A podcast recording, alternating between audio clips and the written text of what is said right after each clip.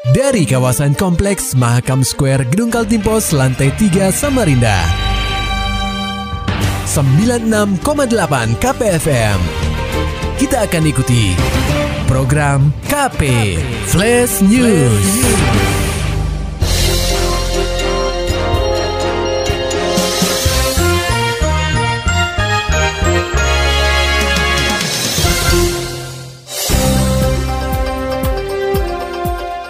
Anda sedang menyimak program KP Flash News bersama saya Agung Pratama. Pendengar KP Kelurahan Berbas Pantai yang berada di Kota Bontang berupaya untuk terus meningkatkan sumber daya manusia atau SDM dari pengurus perpustakaan di wilayahnya. Salah satunya dengan mengadakan kunjungan ke perpustakaan yang dikelola Dinas Perpustakaan dan Kearsipan Daerah atau DPKD Kaltim pada Senin 30 Oktober 2023. Sebanyak 56 peserta yang berasal dari pengurus perpustakaan Kelurahan Berbas Pantai ini mendapat pendampingan dari anggota Komisi 3 DPRD Bontang Yasir Arafat. Kedatangan mereka disambut hangat oleh Kepala Bidang Pengembangan Perpustakaan dan Pembudayaan Kegemaran Membaca, Taufik, di Aula Omar Dahlan DPKD Kaltim. Dalam kesempatan ini, Lurah Kelurahan Berbas Pantai Supriyadi menyampaikan ucapan terima kasih atas sambutan hangat dari jajaran DPKD Kaltim yang sudah bersedia menerima kedatangan mereka. Menurutnya, visitasi menjadi wadah bagi pemuda kelurahan untuk membantu promosi dan publikasi perpustakaan Kelurahan Berbas Pantai agar lebih dekat dengan masyarakat. Lewat visitasi ini, Supriyadi berharap bisa memicu semangat para anggota dan kader perpustakaan untuk terus belajar lebih mendalam mengenai ilmu-ilmu pengelolaan perpustakaan. Di sisi lain, Taufik selaku Kepala Bidang Pengembangan Perpustakaan dan Kebudayaan Kegemaran Membaca memberi apresiasi atas kunjungan pengurus perpustakaan Kelurahan Berbas Pantai.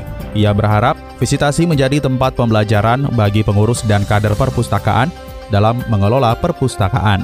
Usai melakukan sesi diskusi agenda visitasi ditutup dengan sesi foto bersama dan mengelilingi layanan dan fasilitas DPKD Kaltim bersama pustakawan DPKD Kaltim Winda Fitri Iyanti, dan Adrian Syah.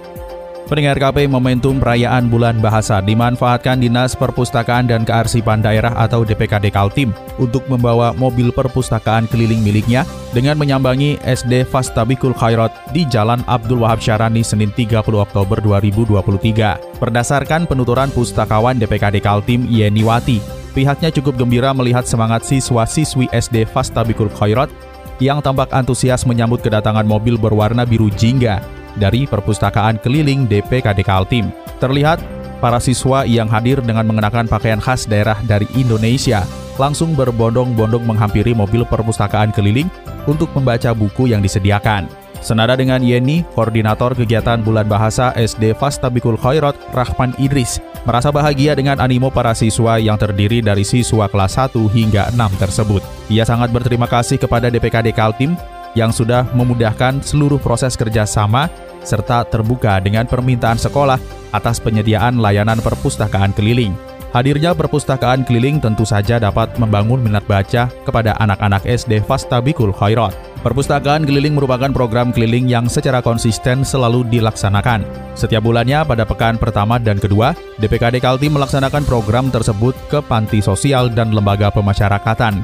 DPKD Kaltim turut menerima keinginan siswa dan guru apabila menginginkan perpustakaan keliling hadir di sekolah mereka. Berita selanjutnya pendengar KP, keberadaan naskah kuno memang sedikit sulit untuk ditemukan. Namun jika sudah terdeteksi, hal tersebut sudah seperti harta karun tersembunyi yang berhasil diperoleh Dinas Perpustakaan dan Kearsipan Daerah atau DPKD Kaltim. Contohnya saja seperti yang baru-baru ini ditemukan DPKD Kaltim dari seorang pedagang di Samarinda, Elvin Satria Widodo, pada Selasa 31 Oktober 2023. Pedagang tersebut memiliki koleksi naskah kuno yang ditulis pada lembaran daun lontar. Elvin mengaku tidak menyangka bila barang koleksi yang sebelumnya ia beli itu memuat nilai sejarah yang penting. Daun lontar yang berjumlah 150 lembar tersebut langsung didokumentasikan satu demi satu secara merinci oleh petugas DPKD Kaltim yang langsung datang menyambangi Elvin. Setelah proses tersebut, selanjutnya DPKD Kaltim akan menyerahkan naskah kuno ini kepada Perpusnas untuk melalui tahapan alih aksara dan alih bahasa. DPKD Kaltim sendiri memang memberikan perhatian khusus dalam menemukan naskah kuno dan manuskrip. Beragam upaya seperti melaksanakan hunting atau pemburuan aset-aset sejarah terus dilakukan untuk kemudian didokumentasikan dengan metode alih media. Pustakawan ahli muda DPK Kaltim Fatimah Irni yang turut mendampingi jalannya proses dokumentasi alih media naskah kuno ini mengucapkan terima kasih atas inisiasi dan keberkenaan Elvin dalam upaya penyelamatan naskah kuno.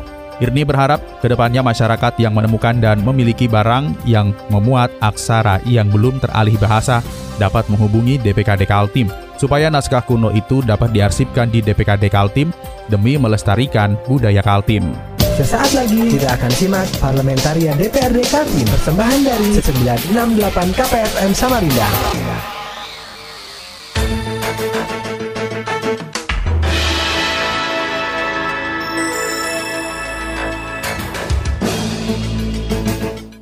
Pendengar KP resmi dilantik jadi anggota DPRD Kaltim, Selamat Ari Wibowo akan perjuangkan Banku hingga menyentuh desa. Laporan selengkapnya akan disampaikan reporter KPFM Samarinda, Muhammad Nur Fajar.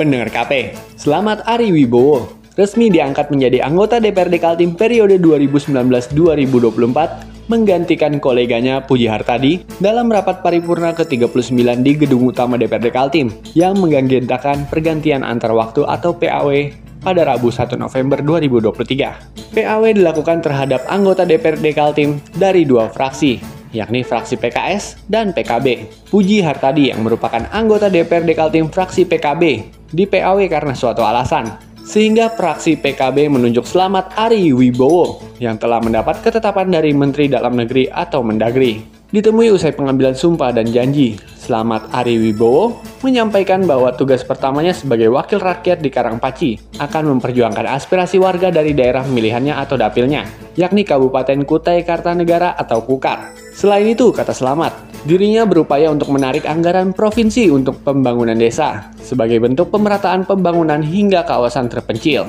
Dia menuturkan, sepengetahuannya, ada peraturan gubernur atau pergub yang membatasi bantuan keuangan atau Q dari provinsi ke kabupaten atau kota sebesar 2,5 miliar rupiah.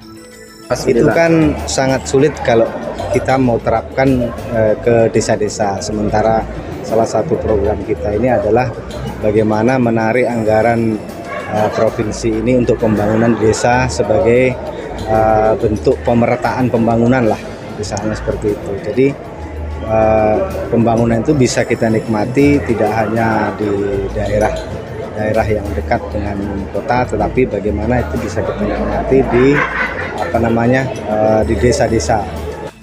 Oleh sebab itu, Selamat akan memperjuangkan hal tersebut supaya pembangunan tidak hanya dirasakan oleh masyarakat di sekitar perkotaan saja, melainkan juga bisa dirasakan oleh masyarakat di pedesaan. KPFM Samarinda, Muhammad Fajar melaporkan. Berita selanjutnya pendengar KP setelah diambil sumpah dan janjinya sebagai anggota DPRD Kaltim, sisa masa jabatan tahun 2019-2024, Encik Wardani menyampaikan kesiapannya untuk berkontribusi dan berkolaborasi untuk Kalimantan Timur. Ia sudah tidak sabar untuk dapat berkontribusi sebanyak mungkin bagi kemajuan Kaltim. Tentu hal ini menjadi semangat baru dan harapan bagi Encik setelah resmi duduk di Komisi 2 DPRD Kaltim menggantikan Maskur Sarmian. Selanjutnya, Encik mengungkapkan dirinya akan segera berkoordinasi terkait apa yang menjadi target-target di fraksi, khususnya di posisi yang akan dia tempati yakni Komisi 2. Adapun isu yang menarik perhatiannya dan akan diperjuangkan, salah satunya yakni aset daerah Hotel Atlet Kalimantan Timur. Nanti setelah ini kita akan berkoordinasi terkait dengan apa yang menjadi target-target kita di fraksi khususnya di Komisi 2 dan seterusnya. Ada nggak Pak uh, isu tertentu yang pengen Bapak angkat Bang? Ya yang terbaru kemarin ya aset daerah ya uh, salah satunya hotel atlet ya. Itu menjadi menarik ya menjadi tantangan bagi kita anak muda ya. Kata Pak PLT juga kan ini ayo anak muda katanya kan. Siapa yang bisa mengelola siapa yang berani mengelola gitu kan. Nah ini perlu kita tumbuhkan kader-kader muda di Kalimantan Timur untuk bisa berperan aktif dalam proses pembangunan. Lebih lanjut, Encik berharap ke depannya banyak generasi muda seperti dirinya yang maju sebagai wakil rakyat untuk membenahi pembangunan di benua etam atau bahkan IKN Nusantara. Masih dari kabar DPRD Kaltim pendengar KP, dalam upayanya mengawasi pendapatan asli daerah atau PAD serta aset daerah, Komisi 2 DPRD Kaltim mengundang jajaran direksi dari RSUD Abdul Wahab Syahrani atau AWS untuk membahas transparansi pengelolaan dana. Ketua Komisi 2 DPRD Kaltim Nidia Listiono mengatakan selain menyoroti transparansi pengelolaan dana, beberapa permasalahan seperti penggelapan dana TPP di rumah sakit plat merah itu juga menjadi hal yang perlu diantisipasi bersama-sama. Legislator yang akrab disapa Tio ini menyampaikan dalam pertemuan itu, rencananya Komisi 2 DPRD Kaltim akan meminta pendapatan dari rumah sakit dan laboratorium yang ada di benua etam. Di sisi lain, ia juga ingin menekankan pentingnya dukungan terhadap rumah sakit sebagai pusat layanan kesehatan masyarakat. Tak kalah penting, politisi Golkar ini juga menyoroti sumber daya manusia atau SDM yang berkualitas dalam pengelolaan rumah sakit. Dia menekankan meskipun peralatan medis canggih, SDM yang berkualitas juga diperlukan untuk mendorong peningkatan kualifikasi tenaga medis dan pelayanan yang baik.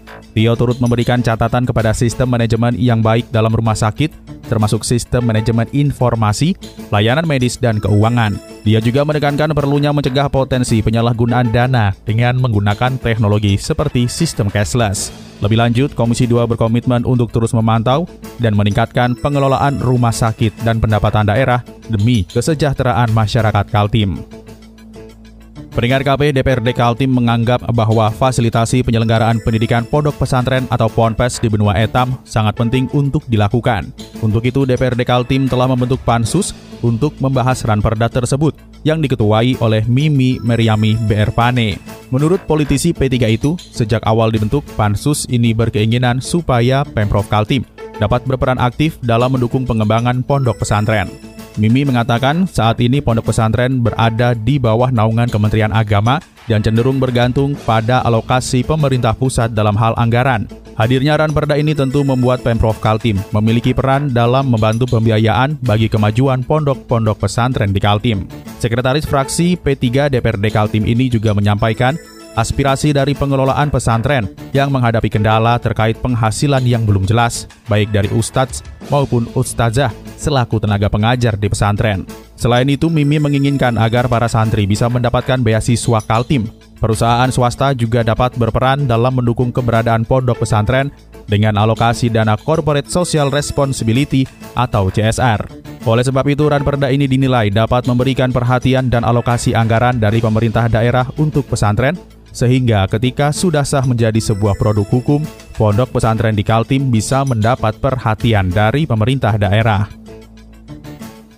Berita selanjutnya pendengar KP kinerja Pemprov Kaltim dianggap masih banyak yang belum tuntas, utamanya terkait penyelidikan kasus 21 izin usaha pertambangan atau IUP palsu yang masih menggantung hingga kepemimpinan kepala daerah telah berganti. Kini Pemprov Kaltim yang dikomandoi PJ Gubernur Kaltim Akmal Malik diminta untuk mengusut tuntas kasus tersebut oleh anggota DPRD Kaltim M. Udin. Udin menerangkan bahwa sebelumnya kasus ini telah memasuki tahap penyidikan di Polda Kaltim. Namun sampai sekarang proses penyidikan itu tak kunjung selesai, bahkan dapat dikatakan terabaikan. Melihat hal itu, politikus Golkar ini menekankan kepada PJ Gubernur Kaltim untuk bisa bersikap tegas dan transparan terkait kasus puluhan IUP palsu itu. Menurutnya, selama ini Pemprov Kaltim belum memberikan pernyataan tegas terkait proses penanganan kasus tersebut ketika dilakukan penyidikan di Polda Kaltim. Tentunya hal ini akan menurunkan kepercayaan masyarakat terhadap pemerintah dan aparat penegak hukum. Oleh sebab itu, Udin mendorong kepada Pemprov Kaltim dan aparat penegak hukum untuk melakukan tindak lanjut untuk mengungkap siapa dalang dari pemalsuan 21 IUP palsu tersebut. Terima kasih. Baru saja kita simak Parlamentaria DPRD Kaltim. Persembahan 968 KKPFM Samarinda.